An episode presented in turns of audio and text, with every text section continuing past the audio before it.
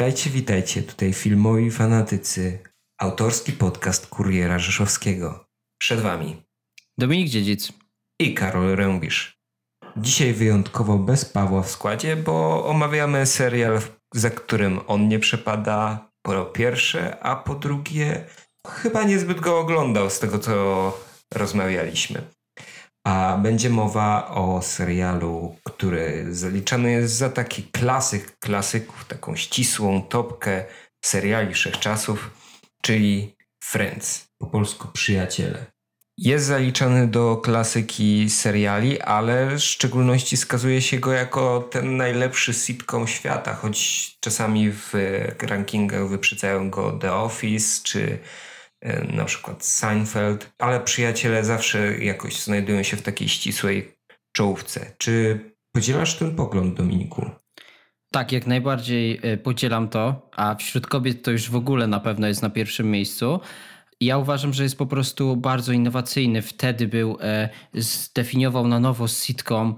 No i wiadomo, też był niesamowicie śmieszny i ja też tak uważam, że że jest naprawdę bardzo dobrym e, serialem komediowym, więc ja bym go uznał tym właśnie kultowym, tym takim najlepszym w historii. Jak najbardziej to rozumiem. To ja podzielam jedynie z Twojego wywodu pogląd, że jak najbardziej jestem w stanie zrozumieć, dlaczego ten serial jest kultowy, ale yy, jak pewnie wyjdzie w toku naszej dyskusji, no ja za tym serialem niezbyt przepadam. Uważam, że jest zdecydowanie przereklamowany i powiem szczerze, że może oprócz mm, sezonu tam trzeciego, paru innych odcinków jestem srogo zawiedziony i nie uważam go w żaden sposób za najlepszy sitcom świata. Zdecydowanie wolę wspomniane już wcześniej The Office i Seinfeld, bo uważam, że no, były swego rodzaju większym przełomem na pewno niż przyjaciele. Myślę, że po prostu były bardziej inteligentniejsze. Nawet nie chodzi o taką stricte inteligencję, bo czasami gry językowe w przyjaciołach są naprawdę całkiem interesujące i całkiem zgrabnie i sprytnie napisane. Aczkolwiek wydaje mi się, że właśnie bardziej definiuje to, jak zmieniał się pogląd na budowanie sitcomów. Zmieniło się to pod wpływem Seinfeld bo tam też mamy tą paczkę przyjaciół, którzy po prostu pojawiają się w każdym odcinku i ewentualnie są dodatkowe jakieś postacie, które pojawiają się w, albo w danym tylko sezonie i stanowią jakiś boczny wątek, albo pojawiają się przez sezon, co, co sezon, ale tam zawsze są gdzieś w tle. Tutaj też mamy taką bazę sześciu przyjaciół, wokół których e, kręci się cała historia, a wszystkie poboczne postacie pojawiają się jedynie albo cyklicznie pojawiają się poprzez wszystkie sezony, albo mają pojedynczy lub e, jakiś bardziej rozbudowany wątek i pojawiają się tylko na pewien segment w sezonie. I kto miał najlepszy wątek poboczny w całym serialu? Odrzucając na razie tą szóstkę głównych przyjaciół. No, Janice mi się pierwsza nasuwa e, na myśl, jeśli o to chodzi. I rodzice e, Moniki E, i Rosa. Oni mieli też bardzo fajne wejścia, jak się pojawiali.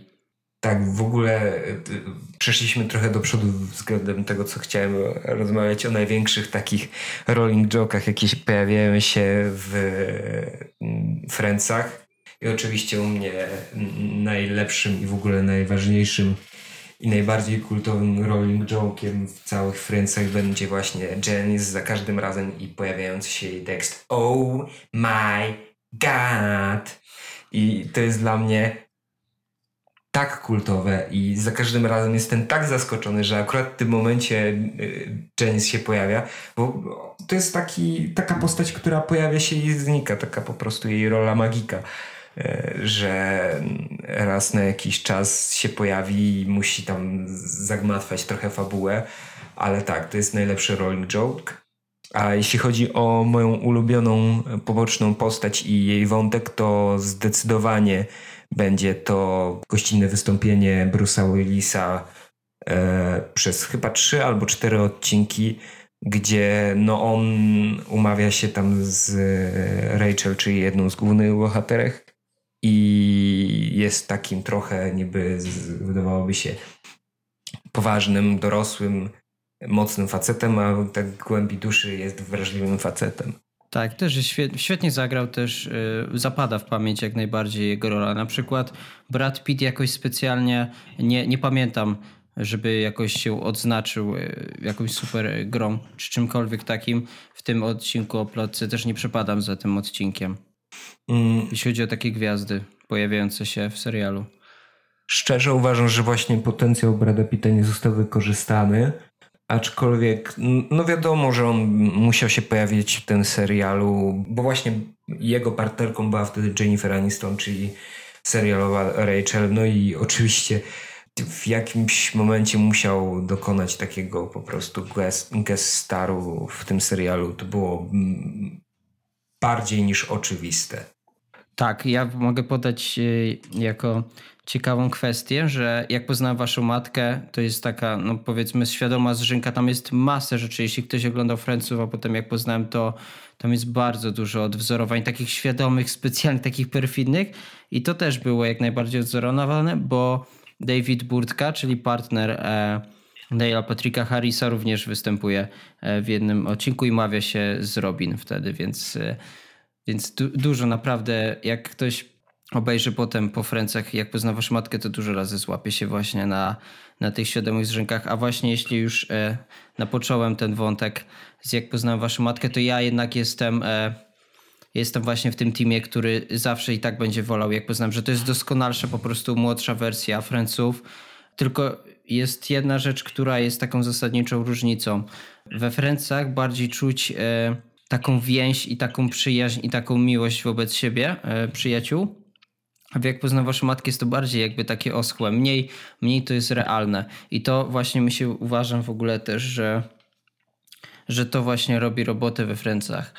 Że bardziej, bardziej widzimy, jak oni są po prostu strasznie dla siebie zżyci ze sobą i no i skoczą za siebie w ogień. No. E, może ewentualnie bardziej Phoebe jest taka bardziej bezduszna, ale reszta wszyscy naprawdę bardzo często to się wylewa z ekranu jednak te, te uczucia między nimi.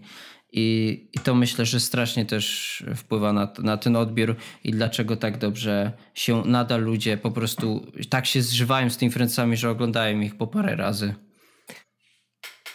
Tak, do, do kwestii ewentualnych zgrzynek czy tam nawiązań do innych serialów, które zauważamy, e, które są jakby dziedzictwem mm, Franców, to jeszcze sobie wrócimy. Aczkolwiek, tak jak już zacząłeś e, wątek przyjaźni, oferuje nam się tu taką galerię sześciu postaci, które wydawałoby się, że są od siebie różne i prezentują po prostu różny typ charakteru, ale wszystkich łączy to, że po prostu są przyjaciółmi, czyli mają między sobą taką relację, że no, no, po prostu się przyjaźnią, no nie wiemy jak bardziej to określić, no ale tak mają taką właśnie miłość do siebie, są za siebie oddani i właściwie każdym tematem odcinka jest tego, co by zrobili dla siebie, żeby tylko ułatwić sobie nawzajem życie, ewentualnie przekręcając o 180 stopni ten schemat jest co zrobiliby, żeby przeszkodzić sobie i żeby po prostu e, zrobić sobie na przykład nawzajem psikusa albo zemścić się na kimś za jakieś nieodpowiednie zachowanie. No, coś typowego, co moglibyśmy uznać, że w takiej paczce przyjaciół no po prostu jest. Jednej strony oddanie się nawzajem, a z drugiej strony takie właśnie lekka doza złośliwości. Bo duże emocje są, tak? I i łatwo, łatwo z, z miłości przejść w nienawiść, nie? I, I to z tego wynika po prostu, jeśli przyjaciel cię zawiódł, to bardzo po prostu jesteś na niego zły, nie? No i tutaj to wszystko jakby widać, nie? I to, to jest pokazywane. No i ten cały schemat by się, do całego serialu by mu się mógł odnosić, gdyby nie to, że mam wrażenie, że w pewnym momencie po prostu ta, ten schemat serialu został zupełnie zmieniony i to się niestety dzieje gdzieś w okolicy siódmego sezonu, że nagle te, te odcinki bardziej są na zasadzie ktoś komuś coś skłamał, więc musimy teraz udawać y, według tego kłamstwa, którego ktoś powiedział I zobaczcie widzu, jak, że to jest zabawne wkręcać kogoś w coś, yy, co nie jest prawdą. Typu na przykład jest ten odcinek, gdzie Phoebe yy, chce zaoferować yy, Monice i Rachel yy, swój obraz, który jest po prostu koszmarny. I obydwie kłamią, że o, jak one by chciały mieć ten swój obraz w mieszkaniu, i właśnie cały odcinek jest ciągnięty na kłamstwie i, jakby nawet odrzucając na bok, czy tak powinni się zachowywać przyjaciele, czy nie, to po prostu jest to nieznośnie irytujące i cały se serial od tego momentu zaczyna się robić taki wręcz aoglądalny. Staje się nieśmieszny i staje się przede wszystkim nieludzki. Nie ma tam już takiego podstawowego zrozumienia w tych relacjach. Ja już naprawdę nie rozumiem, jak ktoś od momentu siódmego sezonu może uznać ten serial jakkolwiek za najlepszy serial świata. Nie wiem, czy ty też podzielasz mój pogląd. Tak, jak najbardziej spadek jakości w siódmym sezonie jest bardzo widoczny i to, że tam to nie jest jakby moralnie już pasujące do tego, do tych postaw, które oni mieli wcześniej, to ja bym to, ja w sumie bym przymknął na to oko. Tylko to się po prostu mało śmieszne robi, albo w ogóle czasami nieśmieszne i najgorsze właśnie, że że takie bardziej dziecinne się to robi. Ja pamiętam, że kiedy oglądałem e, Jak poznałem waszą matkę i byłem takie, że Friends nie, że ja w ogóle tego nie chcę oglądać e, i trafiłem na jakiś późniejszy właśnie sezon Friendsów i jak zobaczyłem tam kilka jakichś żartów, to stwierdziłem, że ale to jest dziecinne, że jak poznałem waszą matkę, to jest w ogóle dojrzalszy serial cały, nie? Tak jest. Od siódmego sezonu jakby się skończyły takie bardziej dojrzałe żarty i tylko nam po prostu scenarzyści są za, w stanie zaoferować naprawdę takie dosyć no, dziecinne te żarty. Mnie to mniej bawi po prostu, bo to jest troszeczkę takie mniej inteligentne zwyczajnie. Tak, i poza tym charaktery e, tych postaci zmieniają jakby się w taki sposób, że zdecydowanie mm, nasilone są ich e, cechy negatywne i na przykład, nie wiem, jeśli Monika do tej pory była w miarę taka pedantyczna, ale była jeszcze jakoś tak ogarnięta i była jakaś taka, że tak powiem, sprytna. To później e, po siódmym sezonie jest już cała, cały ciężar e, po prostu pchnięty na jej pedantyczność i już, już nie mówiąc o dziesiątym sezonie na przykład aranżacji ślubu Phoebe, to po prostu w każdym odcinku wręcz e, jest to przyciągnięte aż do granicy absurdu. I według mnie to się bardzo źle ogląda.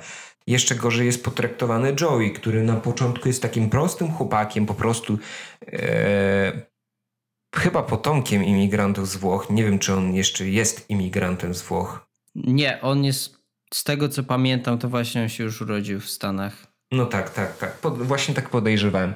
To właśnie z prostego takiego chłopaka, e, który po prostu jest średnio inteligentny, ale y, jego problemem bardziej jest to, że nie ma wiedzy.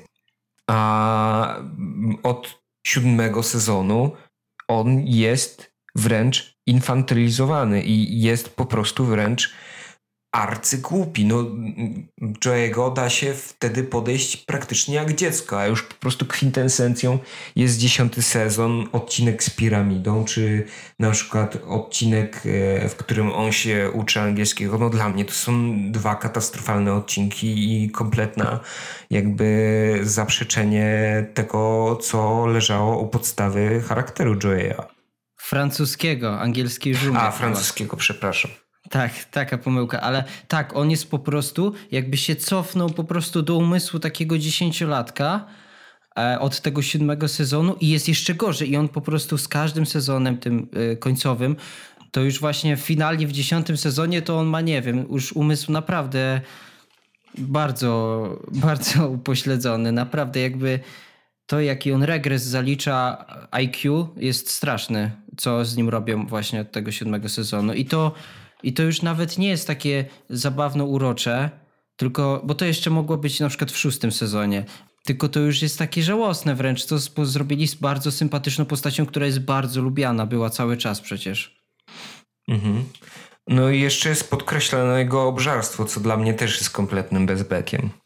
To jest ten sam case, jak mówisz z Moniką, czyli uewidentnienie tej jej pedantyczności, to Joey'emu to obżarstwo, które zawsze miał, tylko że jakby już nie wiedzieli, co, jak rozszerzyć, że już to jakby się wypaliło i nie można im nowych cech dodać, czy tam coś skupić na czymś innym, to wyolbrzymiamy to, to ten ich takie te śmieszne mankamenty, czyli pedantyczność Moniki albo obżarstwo Joey'ego.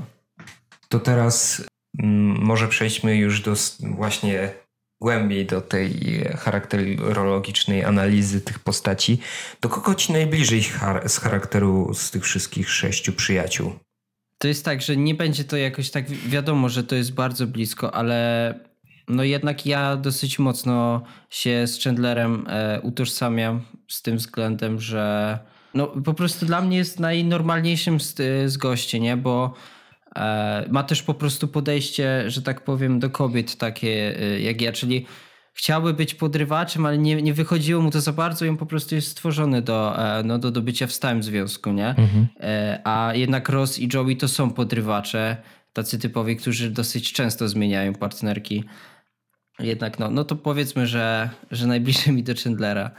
Do moja oś pewnie będzie rozdzielona między trzy postaci, bo powiedziałbym, że trochę we mnie z Chandlera, e, trochę takiego z Grywusa, e, trochę takiego właśnie kogoś, kto chciałby stabilności, ale z drugiej strony jest we mnie też trochę z Rosa, tylko nie z socjopatycznego Rosa, który się później robi gdzieś w okolicy, nie wiem, trzeciego sezonu, tylko takiego Rosa, który mi się wydawał dość niewinny i dość taki nieśmiały, może trochę nawet geekowaty, e, jaki był w sezonie pierwszym, takim gościem z wiedzą, ale jednocześnie, który ma trochę kulejące relacje międzyludzkie, to jakoś troszkę potrafiłem się z nim utożsamić. A z e, trzeciej strony trochę mi blisko do takiego wariactwa Phoebe, bo e, po prostu jakoś tak czuję, że jej absurd istnienia jest gdzieś troszkę blisko wokół mojej filozofii życia. Więc ja bym bardziej się rozdzielił między te trzy postaci i jednocześnie trzy pozostałe postaci są dla mnie kompletnie jakby e, przeciwnym biegunem i nie potrafię, jakby to powiedzieć, nie potrafiłbym... Znaleźć wspólnych cech. Tak, nie potrafiłbym... O, najlepiej. Nie potrafiłbym znaleźć z nimi wspólnych cech i większość z, przez większość czasu oni mnie po prostu i, irytowali. Chociaż Joey chyba A, najmniej. To, to tak, Joey jednak taka jest ogólna opinia, że właśnie Chandler to jest raczej taka ogółu najbardziej ulubiona postać, no i Joey, nie? Joey'ego raczej mało kto irytuje. Ja jestem też jakiś specjalnie, nie jestem e, oryginalny w tym, kogo nie lubię, bo e, bardzo nie lubię Rachel, wiadomo, no nie lubię tego typu kobiet, że tak powiem. E, no ona też nie ma jakoś specjalnie, uważam, dużo pozytywnych cech, więc ona jest tak skonstruowana, żeby ją najmniej lubić, tak uważam. E, no i Phoebe, jakby ja rozumiem to, po co ona jest, y, czego ona jest i jaki ona ma ten styl żartów, ale no po prostu czasami mnie zwyczajnie drażni i nie, nie uważałem czasami, żeby ona była potrzebna, tylko wręcz jakby to było takie bardziej prawdziwe życie, to to, co ona wygaduje, czy jaką ona czasami antypatią totalną się wykazuje wobec przyjaciół, to by ją wy, wywalili z tej paczki zwyczajnie, nie? Y, a, a, a wobec Rosa jestem y, całkiem na plus i wobec Joe'ego. No i Monikę też bardzo jakby lubię. No. Mam tylko problem z tymi dwoma dziewczynami. To jeśli o mnie chodzi, to strasznie. Znaczy, ciężko mi jest określić kogo z tej trójki, z kogo tej dwójki, bo jeszcze Joey, Joey'ego w miarę lubię, ale z kogo tej dwójki, czyli Rachel i Moniki nie lubię bardziej, bo z jednej strony e, uważam, że Jennifer Aniston zagrała Rachel perfekcyjnie. To jest po prostu osoba, którą się, która miała być chyba nielubiana, ale z drugiej strony miały się może takie e, kobiety, które są trochę niezdecydowane w życiu utożsamić. A z drugiej strony jest Monika, która według mnie przez Courtney Cox, chyba dobrze wypowiadam imię i nazwisko, jest zagrania, zagrana koszmarnie. Według mnie to jest najgorsza osoba z obsady. W sensie przede wszystkim irytuje mnie u jej postaci ten ciągły uśmiech. Cokolwiek by się nie działo, gdyby ktoś, czy ktoś się obraża, czy ktoś jej coś robi, to przez chwilę ma taką poważną minę, by za chwilę cieszyć się ze wszystkiego, po prostu cieszyć się ze wszystkiego. I ja naprawdę nie jestem w stanie określić, czy to jest taki trochę ironiczny uśmiech, czy to bardziej jest właśnie e, takie, nie wiem jakby to powiedzieć, czy po prostu z tą Courtney było tak, że podczas e, nagrywania tego serialu nie była w stanie utrzymać poważnej miny i cały czas się śmiała, tylko że żeby się nie śmiać, to się uśmiechała, wręcz szczerzyła, czy o co chodzi. Nie wiem, strasznie mnie to właśnie Monice cały czas irytowało, że cały czas się uśmiecha. Nie wiem, czy jest odcinek, w którym postać Moniki by się nie uśmiechała. Jest to I... słabe. To często widać, jak są te wyciszenia, jak już jest, y, już włącza się muzyka i jest przejście do następnej sceny. To właśnie często widać, y, że ktoś tam rzuci jej one-linera i ona wtedy powinna się oburzyć, coś takiego, a ona tak i tak na koniec się uśmiecha. To, to na to możecie zwrócić uwagę wtedy właśnie, zawsze na tych wyciszeniach, kiedy jest przejście do, do następnej sceny. Tak. To faktycznie tak często jest. Ona, y, Courtney właśnie faktycznie lekko odstaje od y, reszty obsady. Bo uważam, że każdy pojedynczy inny aktor zagrany jest no perfekcyjnie. Od strony aktorskiej nie jestem w stanie się w ogóle nic przyczepić i, i Matthew LeBlanc na przykład odgrywa tego Joe'ego według mnie z tą odrobiną przesady, ale nigdy to nie jest takie przejście linii szarży. Jakby to nie jest szarża, to jest po prostu taka przesada w, po prostu w odpowiednim w odpowiedniej formie. Tak samo Lisa Kudrow jest przesadzona, ale przesadzona na tyle ze smakiem, że jestem w stanie to po prostu zaakceptować. Ale naprawdę, Courtney jest zdecydowanie najsłabsza z tej szóstki. Tak, mi się też podoba w ogóle też w, w aktorze właśnie Chandlera, że on był dopuszczany do scenarzystów i no i pomagał im jakby pisać, są właśnie zwłaszcza y, swoją postać, swoje powiedzonka. No, jakby zaangażował się na tyle, że już wiedział jak ma mówić i to mi się bardzo podobało, nie? Y, w Matthew Perry, że, że z taką inicjatywą po prostu wyszedł i no i mu to wychodziło zarąbiście, bo, bo jego powiedzonka są po prostu świetne i tak jakby, jak stał, jakby się stał po prostu Chandlerem i wiedział jak to mówić i to też bardzo w nim cenię. Mhm. Szkoda, że w sumie on później nie zagrał żadnej dużej roli w przeciwieństwie na przykład do Jennifer Aniston, bo chyba z całej szóstki ona zyskała największą karierę. Zdecydowanie. Y, ona zdeklasowała resztę, bo też Davida Schwimmera też niespecjalnie gdziekolwiek widzimy, czy widzieliśmy zaraz po Francach, też nie. No, no jedynie jeszcze jakiś... Courtney Cox też zagrała w chyba we wszystkich częściach krzyku. To jest taka klątwa z sitcomów, e, mam wrażenie, bo Jak poznałem waszą matkę jest podobny case trochę. Niespecjalnie ci aktorzy sobie radzili i na, po a, albo w trakcie, a zwłaszcza w ogóle aktor Teda, on kompletnie w niczym, nigdy go nie widziałem po, poza właśnie Jak poznałem. Coś w tym musi być zwyczajnie. Tak, coś w tym musi być. Aczkolwiek powiem ci, że na przykład jak spojrzysz na obsadę The Office, to masz na przykład Steve'a Carella, któremu później kariera aktorska się mocno wybiła. Czy to Johna Krasińskiego, który po prostu grał w różnych rolkach mniejszych lub większych, no i zrobił później Ciche Miejsce i zagrał tam e, główną rolę i teraz będzie kręcił Ciche Miejsce 2, czy chociażby jest nową twarzą dla serialu Jack Ryan, więc on, to, to, to, nie powiedziałbym, że to jest taka kompletna zmora, że już aktor, który wystąpi raz w głównej roli w sitcomie, nie ma później szansy na rozwinięcie swojej kariery.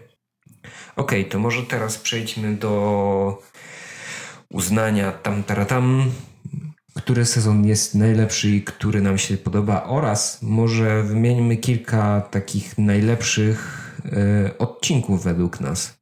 Dobrze, to ja muszę uznać sezon piąty za najlepszy, e, bo tam znajduje się też e, mój ulubiony odcinek.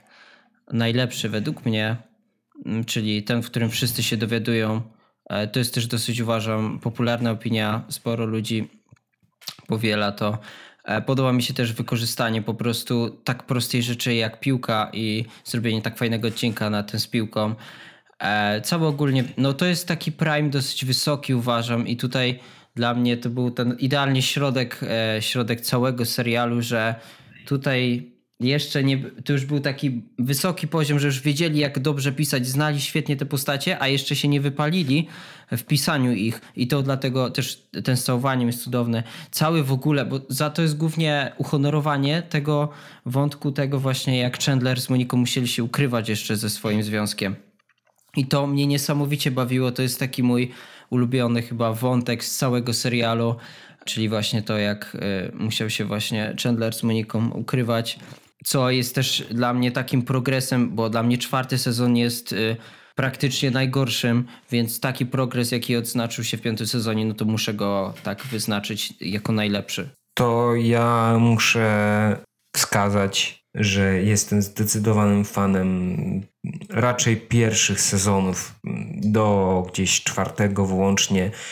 E, uważam, że to są, to jest e, po prostu tendencja zwyżkowa i e, później oczywiście piąty i szósty też są jeszcze dobre, do, w miarę dobre seriale, też sezony, a po od siódmego zaczyna się po prostu równo pochyła i jeśli mam wskazać jeden, jedyny najlepszy sezon z tych wszystkich, to zdecydowanie bym wskazał e, trzeci sezon bo tam jest zarówno mój ulubiony odcinek, czyli ten, w którym nikt nie jest gotowy, ale jest też na przykład ten z Frankiem Juniorem, gdzie tam Phoebe właśnie się z nim zapoznaje. W ogóle Frank Junior to też jest jedna z najfajniejszych postaci, jakie się pojawiają w całej serii, tak mi się przynajmniej wydaje. Jest zagrana fenomenalnie według mnie, takiego wiecznego zmuła, którego odkrywa ten i właśnie mam wrażenie, że ta rola Franka Juniora jest odegrana wręcz e, prześwietnie. No i jest ten, e, jest cały wątek zerwania z Rachel, który według mnie jest mm, najbardziej emocjonalny i najlepiej e, rozpisany ze wszystkich wątków dotyczących naszej szóstki postaci i jest świetny. I no, oczywiście zaczyna się tu też wątek, który, czy tam rolling joke, który się później będzie przez całą serię przejawiać, czyli jedno z najfajniejszych rozwiązań, czyli kurczak i kaczka. Według mnie bardzo przyjemny element tego serialu, taki, który się przejawia przez cały serial. Tak, i też oczywiście tutaj się pojawia We Were on the Break, E, które też jest potem kontynuowane bardzo długo i też bardzo lubię ten, e, ten cały rolling joke. Mm, bardzo udany też. W ogóle no, ten z tym, co było następnego ranka, to jest, to jest też topka odcinków. To jest tak emocjonalne, co w całym serialu to wiadomo, raczej się płacze ze śmiechu, to tutaj płakałem, ale po prostu ze wzruszenia w smutku, z takich emocji, które wylewały się z ekranów podczas tego odcinka. Mhm.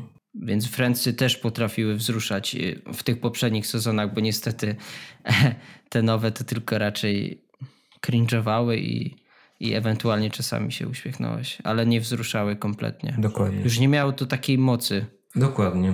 Bo te postacie były po prostu już wypalone i nie miały aż takiej e, takich po prostu uczuć wobec siebie świetnych. To już, to już było wręcz nudne, e, jak już ten po prostu Ross się z tą Rachel tam tak no bo zwykle taki schemat był, początek sezonu to albo są, albo nie są razem, potem się schodzą, potem pod koniec się rozchodzą, no wiadomo o co chodzi i e, jak, jaka to jest po prostu sinusoida i to już było po prostu męczące. Tak. E, I teraz możemy przejść do kolejnej kwestii, czyli wątek, który chyba mieliśmy przez cały serial śledzić i kibicować, czyli wątek e, Rachel i Rosa. Według mnie rozpisany tak beznadziejnie i tak zupełnie bez serca dla postaci, że to jest aż, aż niemożliwe. Nieludzko. No, nie, nieludzko. Jest okropnie rozpisany ten wątek. No serio, według mnie ten serial już po jakimś powiedzmy tam piątym sezonie mógł już nie obserwować, już mógł się nie skupiać na relacjach między Rachel a Rossem, a bardziej skupić się może na rozwoju małżeństwa Chandlera i Moniki. Zdecydowanie wyszłoby to na im plus, gdyby tam na przykład, nie wiem, po, e, gdyby oni wcześniej mm, powiedzmy starali się o to dziecko i na przykład mieli te dzieci i byłoby bardziej poruszone to, jaką matką jest Monika, bo wydawałoby mi się to rzeczywiście zdecydowanie ciekawsze i jeśli cokolwiek miałbym zmieniać w tym serialu, takiego. Znaczy, pierwszym wyborem moim byłoby na pewno przełożenie ciężaru po gdzieś piątym sezonie z relacji e, Rachel Ross na relację Monika i Chandler i na pewno nie robienie jakichś takich beznadziejnych podchodów typu rozrobi Rachel dziecko, albo właśnie później się schodzą na sam koniec, bo to wszystko jest tak nieempatycznie poprowadzone, że ja nie... W ogóle to, że oni mają dziecko, to jest takie dla mnie dziwne. To było dla mnie dosyć dziwne, że oni mają dziecko i że tym bardziej, że... Dobra, na przykład wiesz o tym spoilerowo, mają dziecko, nie? A jak oglądasz właśnie tak mniej więcej już od piątego sezonu czy szóstego, bo to co Rachel zrobiła z Rossem, jaką on jest po prostu tykającą bombą zagrał, jaką on jest po prostu psychicznie rozbełtany, to potem jak tak sobie myślisz, że oni potem mają mieć dziecko w późniejszym sezonie, to jest takie co? To jest oni niemożliwe. Dzieci. Nie mogą mieć dzieci, to jest nie. A, a właśnie nie skupienie się na Chandler i Monice, którzy oni są cudowni. To jest wspaniała para, którą się super ogląda. Ona jest ultra normalna i nie jest ani przesłodzona, ani nie jest taka, że jakoś, że na przykład by sobie na siłę cały czas jakoś na złość robili. Oni są idealnie zbalansowani po prostu dla siebie i to jest super. I to się świetnie ogląda, dlatego ja lubię piąty, szósty sezon. I późniejsze byłem w stanie oglądać, bo miałem bardzo fajnych po prostu e, Chandlera i Mookie razem, świetnie się ich ogląda. Tak, tak, tak, tak. I no, no nie mam nic do dodania. Według mnie po prostu ciężar powinien być przeniesiony na Monikę i Chandlera. Ewentualnie w, w, sumie później nie przeszkadzał mi ten wątek między e, Joeym a Rachel. Uważam, że nie był tak napisany wcale źle i nawet może gdyby oni skończyli razem ze sobą, to byłoby to lepsze, wyszłoby lepiej to na serialowi niż e, po prostu ciągnięcie w tego w sposób, jaki zostało to pociągnięte. Ja nie byłem wielkim przeciwnikiem tego. Oni naprawdę w jakiś sposób pasowali, pasowali do siebie. trochę do siebie, bo oboje powiedzmy nie byli górnolotnie jakoś inteligentni e, i to, był taki jakby łączący ich aspekt, który fajnie po prostu był pokazany też. To, to jest na plus właśnie taki to, to taki jest jeszcze jeden z niewielkich pozytywów właśnie y, schyłku już serialu końcówki. To, że zaryzykowali i napisali taki romans właśnie im. Mhm. To porozmawiajmy teraz o nawiązaniach w późniejszych serialach, które właśnie są zapożyczone z Friendsów. E, uważam, że po prostu Friends e, było dobrą bazą i dobrym środkiem do tego, żeby rozprzestrzenić tak, takie seriale, sitcomy Mm, bardziej i e, stworzyć ich taką taki kult sitcomu, nie? że ogląda się sitcom, bo chyba żaden do tej pory nie był aż tak popularny. Mogę się mylić, ale na pewno w Polsce żaden sitcom amerykański nie jest otoczony takim kultem jak Friends i zresztą wydaje mi się, że żaden sitcom do tej pory nie jest tak otoczony kultem jak Friends, ale właśnie e, on stanowił taką bazę, na którym wyrosły na przykład, tak jak mówiłeś, jak, jak poznałem waszą matkę, dwóch i pół. Różowe lata 70. Teoria Wielkiego Podrywu. Więc to są wszystkie po prostu seriale, które bez Friendsów by nie istniały. No i wręcz można powiedzieć, że często widać taką kalkę jeden do jeden wątków czy jakichś rozwiązań, które pojawiały się we Francach, a później znalazły jakąś takie odbicie w późniejszych serialach. Ja na przykład widzę taką ogromną zżynkę wręcz w serialu Teoria Wielkiego Podrywu, bo oprócz tego, że mamy jakiś taki niestandardowy koncept, czyli e, tych geeków jako mm, protagonistów, a nie na przykład jakiś, jak wiadomo, z bardzo zróżnicowanych podrywaczy czy coś. Jednak mamy na przykład e, wątek tego, że ta główna bohaterka, czyli Penny, jest taką, takim odbiciem Rachel z Friendsów, czyli tam jest i zarówno tamta była mm, kelnerką w kawiarni, jest z kolei kelnerką w restauracji. No i sporo takich różnych pomysłów na odcinek też zostało po prostu przeniesionych, lekko zmodyfikowanych i zastosowanych w teorii. Widać to bardzo często. Znaczy tak, jak poznałem naszą matkę, no to jak ktoś oglądał, to wie, że Ted to jest Ross. To jest bardzo, bardzo podobnie. Na przykład Ross jest paleontologiem, to Ted jest architektem, też potem wykłada architekturę, tak jak Ross wykłada na uniwersytecie. E, Joey jest takim no, typowym podrywaczem, też udziela rad, jak podrywać i w ogóle, no to Barney, wiadomo, Barney to jest w ogóle najlepsza postać w historii serialu, jaka była stworzona, to jest udoskonalone pod każdym względem, jeśli chodzi, tego nie mieli Friends na przykład, a no ale Barney też jest właśnie tym podrywaczem, który udziela e, rad, rad Tedowi, e, mm, tak, więc, e, więc a mamy też, e, mamy też właśnie ten wątek, takiego fajnego, właśnie zgodnego małżeństwa, to właśnie Lili z Marszalem, no to tak jak Chandler z Moniką później. Mamy też właśnie takie coś, takiego ogarniacza, moderatora grupy, to są to cechy Moniki, ale tak naprawdę dużo ludzi też sądzi, że Phoebe jest takim moderatorem i ona często popycha w takie sytuacje i wsadza przyjaciół w takie sytuacje, jakich, e, w jakich właśnie no trzyma ich w ryzach wszystkich. Tak naprawdę, jeśli ona coś powie, to to może rozwiązać pełen wątek. No to y, Lili jest taką połączeniem właśnie tego.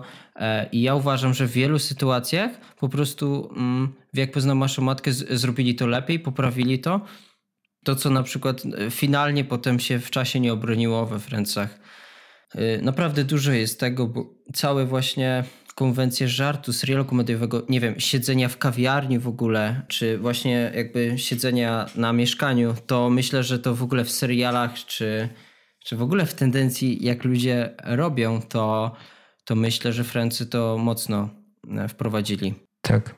To może już przechodząc powoli do podsumowania, mam do ciebie takie pytanie. Jak długo oglądałeś 10 sezonów Franców? Mm, to tak, ja nie obejrzałem całych 10 sezonów. Nie pamiętam dokładnie, myślę, że około dwa miesiące, tak sumując to, jak oglądałem Friendsy. To dwa miesiące. To ja obejrzałem wszystkie odcinki. Mm, nie powtarzałem nic dwa razy, bo po prostu mi się nie chciało. Nie miałem siły na ten serial, bo już w pewnym momencie ciągnąłem go tylko po to, żeby dojść do końca i móc o nim coś opowiedzieć i móc wypowiedzieć się, dlaczego tak bardzo nie lubię tego serialu. Oczywiście oprócz sezonu trzeciego, który uważam, że jest naprawdę. No, sezonu trzeciego, czwartego, drugiego, które uważam, że są naprawdę całkiem dobre, to spędziłem na tym serialu. Oczywiście oglądając w międzyczasie inne rzeczy od sierpnia do, do praktycznie połowy stycznia tego roku więc yy, nie wiem dokładnie ile to jest miesięcy, nie liczyłem, ale no muszę powiedzieć, że chyba z dobre 5 miesięcy poświęciłem temu serialowi, który mi towarzyszył tam w różnych chwilach. No i teraz pytanie, czy było warto? Ja uważam, że było warto, bo nie chciałem być takim snobem, co nie, nie ruszy tego, bo to jest jakiś tam tylko jakieś tam dziewczyny to oglądają się tak tym jarają niepotrzebnie, albo że jak poznam waszą matkę, to jednak ja nie mogę zdradzić. To ja, ja, ja się cieszę, bo naprawdę mnie rozweselił bardzo w wielu sytuacjach. Te najlepsze odcinki to, no to po prostu pokałem ze śmiechu. Też po prostu fajnie, że mogłem mm, poznać taką postać jak Chandlera, e, bo jest świetnie napisana. Także ja uważam, że bardzo było warto. Dla mnie to jest ciągle i tak bardzo dobry sitcom mimo tych swoich błędów i wykolejenia się, ale który, który taki bardzo długi serial, który ma 10 sezonów, może tak być aż na takim bardzo wysokim poziomie, żeby potem się to po prostu nie pokiczkało. Ja jednak to trochę jestem w stanie zrozumieć i wybaczyć, e, ale dlatego ciągle uważam to za fajny serial i w pełni rozumiem ten kult. Jak nie wszystkie odcinki jakoś cenię, to rozumiem dlaczego tak bardzo e, jest to też w kulturze za po prostu, no zajerani są ludzie tym. To ja przyznam szczerze, że e, w międzyczasie między Francami a znaczy przeplatałem odcinki Franców właśnie e, odcinkami Seinfelda i uważam, że zdecydowanie bardziej opłacalnym dla mnie było obejrzenie Seinfelda, Seinfelda ponieważ y, był to zdecydowanie dla mnie ciekawszy serial i jeśli miałbym komuś y, powiedzieć, czy warto obejrzeć Friends, czy nie, y, jeśli ktoś jest taki zdeterminowany, żeby poznać kulturę lat 90. i, że tak powiem, nadrobić klasykę, którego każdy oglądał, no to można spróbować swojej przygody z Ferencami. Ja nie bawiłem się za każdym razem dobrze. Powiem szczerze, że śmiałem się bardzo rzadko e, i w ogóle czerpałem przyjemność tego serialu też nie za często. Aczkolwiek e, no to jest jakaś taka baza kulturowa, coś co warto znać, żeby na przykład móc z kimś o tym porozmawiać czy po prostu zauważyć takie różne nawiązania, które się pojawiają później. Ale dla mnie zdecydowanie wartym poświęcenia czasu był serial Seinfeld, a nie Friendsi. A jeśli mam już zdecydowanie Wam polecać jeden, jedyny sitcom, jaki obejrzycie w życiu, to obejrzyjcie jednak The Office, bo to jest, to jest perełka i to jest złoto. A jak jeszcze chcecie coś zagłębić się w bar- może nieco bardziej niszowego, ale jeszcze według mnie podczas, po, pod względem humoru wybitniejszego, to zdecydowanie wybierzcie Zwariowany Świat Malcolma, bo Zwariowany Świat Malcolma to jest yy, najwybitniejszy serial komediowy, jaki kiedykolwiek powstał i nawet z tym nie handlujcie, bo nie ma z czym. Tak, to jak mam taką miarę powiedzmy sitcomową ubrać, to jest lepszy niż Różowe lata 70., jest zdecydowanie lepszy niż 2,5, jest lepszy niż Teoria Wielkiego Podrywu, ale ciągle jest gorszy dla mnie od jak poznałem waszą matkę. To ja się z tym porównaniem i z y, tą miarą zgadzam, choć jak poznałem waszą matkę, wymieniam na The Office i zwariowany świat Malcolma. Gdzieś po prostu by znalazł się może w pośrodku u mnie wśród mm, takiego rankingu sitcomów, czy w ogóle seriali, jakie obejrzałem w życiu. Mam nadzieję, że wielcy psychofani Franców e, nie będą mieli nam za złe wytknięcia po prostu tych rzeczy, które e, nam się nie podobały. E, myślę, że ja byłem bardzo łaskawy dla tego serialu, ja go bardzo cenię, Karol troszkę mniej. E, I tak właśnie będziemy kończyć ten e, odcinek. Żegnają się z wami Dominik Dziedzic i Karol Rębisz.